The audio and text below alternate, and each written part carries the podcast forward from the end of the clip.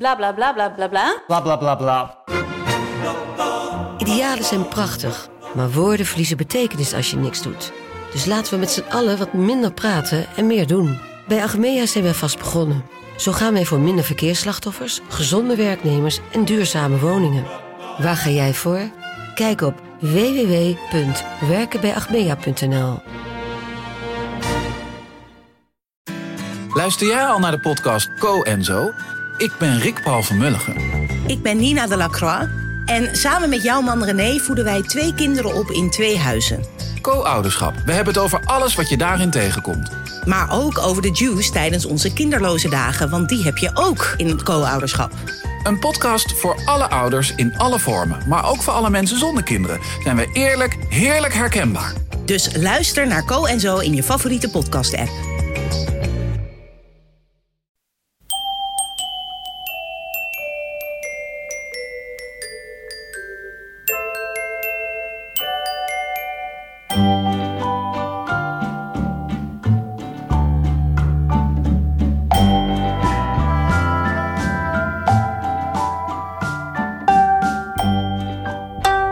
Welkom bij Echt Gebeurd, de podcast waarin waargebeurde verhalen worden verteld door de mensen die ze zelf hebben meegemaakt. In deze aflevering een verhaal dat Daphne Gakers drie weken geleden bij ons vertelde tijdens een verhalenmiddag met het thema Naakt.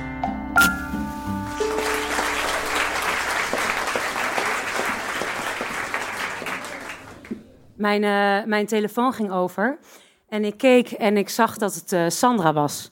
En Sandra die noemde ik altijd eh, het bruistabletje. Omdat het een enorme, leuke, fladderende stuiterbal was. Dus ik nam op. hey, hoe is het?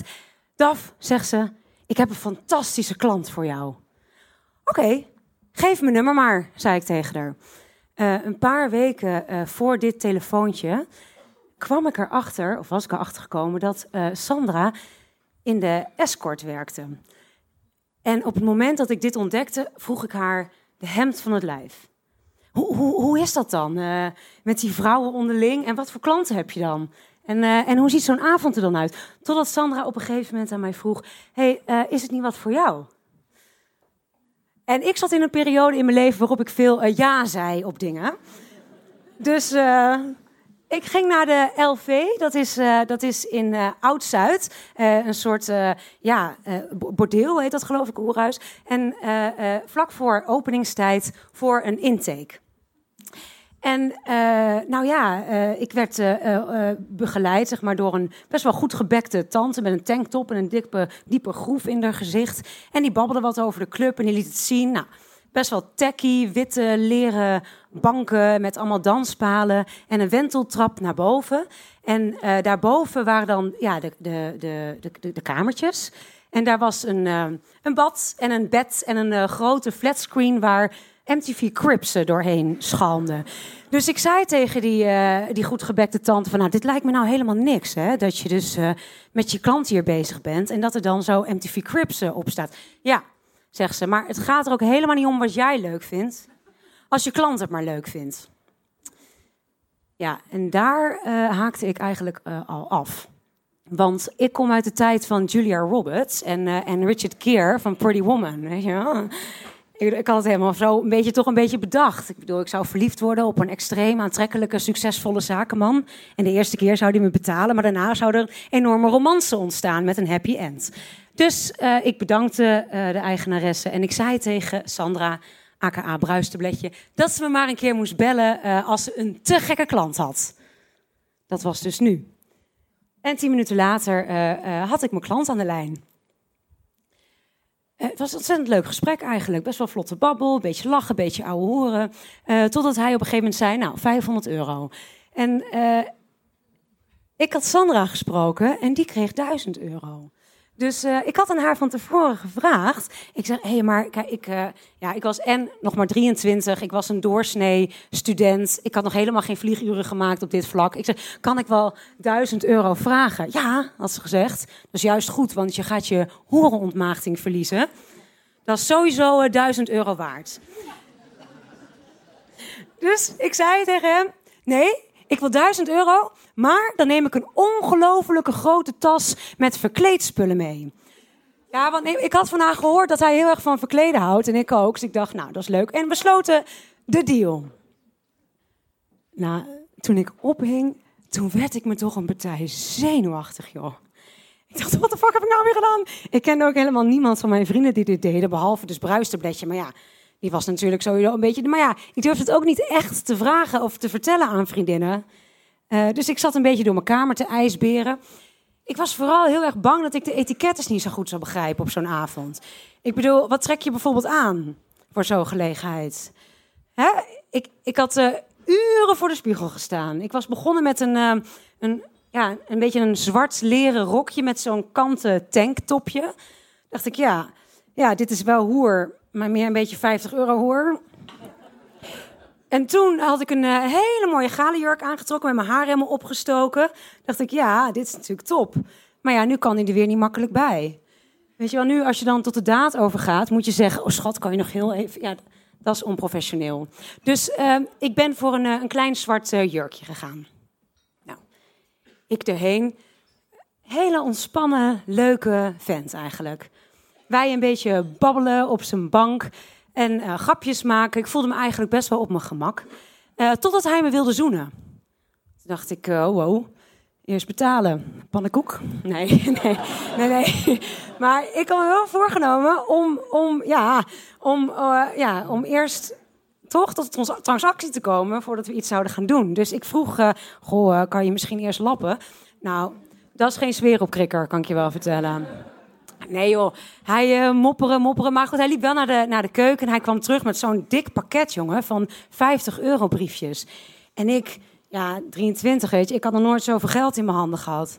En ik durfde het niet te tellen voor zijn neus. Dus ik rolde het op, stopte het in mijn BH. En nou, wij eindelijk zoenen. En toen had hij dus, behendig als hij was, mijn BH zo losgemaakt zonder dat ik er erg in had. Waardoor al het geld eigenlijk weer uh, uh, op de grond lag. De seks die stelde eigenlijk niet zoveel voor. Of ik weet er eigenlijk eerlijk gezegd niet zoveel meer van uh, hoe dat ging. Wat ik wel weet is dat hij na afloop vroeg: zullen we gaan verkleden? Nou, uh, hij wilde graag een, uh, een elfje zijn en ik wilde graag een man zijn. Dus hij trok een tutu aan en kreeg vleugels op zijn rug. En ik, ik trok zijn driedelige pak aan en kreeg een voorbinddeel daarom. Nou. Dat is raar, jongen. Nee, echt zo'n ding in je broek. Dus ik wilde gelijk overal tegenaan rijden. Zo. Hij, zag dit en hij, uh, hij moest lachen. Hij tekende een snor op zijn bovenlip. En tegelijkertijd maakte ik uh, zijn ogen op. We zoenden. Ja, ik vond het helemaal te gek, joh. Ik, uh, ik had het ook voor niks gedaan. ja. Tot de deurbel ging. Uh, ik keek hem helemaal betrapt aan. Uh, maar hij zei: Nee, nee, nee, nee, er komen nog wat vrouwen langs. Hij stond op en hij liep weg. En ik, ik had me wel voorbereid op hem, maar ik had nog steeds een beetje het latente beeld van Julia Roberts en Richard Gere in mijn hoofd. En daar paste eigenlijk helemaal geen andere vrouw bij. En daarbij was ik al zes maanden niet naar de sportschool geweest en je kent het wel. Ik wist helemaal niet of ik daar überhaupt wel klaar voor was. Maar hij had me gehuurd voor de nacht. En er kwam toch een soort ja, plichtsbesef of werkethos over me heen. ik dacht, uh, uitzitten. Dus, uh, nou, die dames kwamen binnen en het feest uh, trok zich voort. En ja, ik heb eigenlijk ook wel iets van hun geleerd. Um, het waren hele knappe meisjes. ze dansten ook heel sensueel en zoenden met elkaar en met mij. En het was eigenlijk wel gezellig. Totdat hij de kamer uitliep die even moest plassen, plassen of eventjes een drankje ging halen of zo. Dan werden al die meiden, zaten soort ineens verveeld om zich heen te kijken. Totdat hij weer terug de kamer in ging en dan begon de scène eigenlijk weer opnieuw.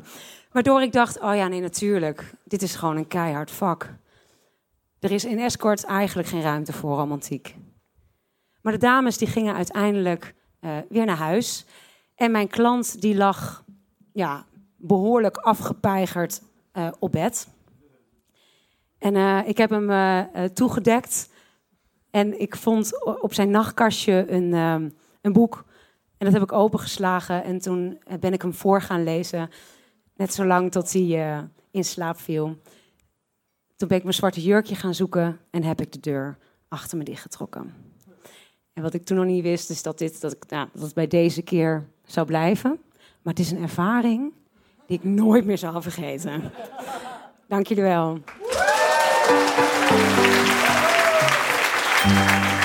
Dat was het verhaal van Daphne Gakers. Daphne is theatermaakster en schrijfster.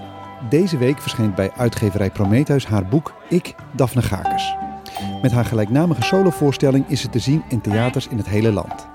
Meer informatie vind je op daphneGakers.com. Echt Gebeurd is een verhalenmiddag die iedere derde zondag van de maand plaatsvindt in Comedy Club Toemler in Amsterdam. Volgende week zondag, de 15e, is er weer een nieuwe editie. En het thema is dan Marokko. Voor april zoeken we nog verhalen rond het thema ouders. En in mei is het thema Eerste Hulp. Mocht jij nou zo'n verhaal hebben, of ken je iemand met een waanzinnig verhaal? Meld je aan of verlink iemand via echtgebeurd.net. De redactie van Echt Gebeurd bestaat uit Micha Wertheim, Paulien Cornelissen, Rosa van Toledo en mezelf, Maarten Westerveen. Productie Eva Zwaving, zaaltechniek Jasper van Oorschot en de podcast is in handen van Gijsbert van der Wal. Dit was aflevering 240. Tot volgende week. En vergeet niet, een zelfgetekende nepsnor komt het best tot zijn recht met een voorbindtildo.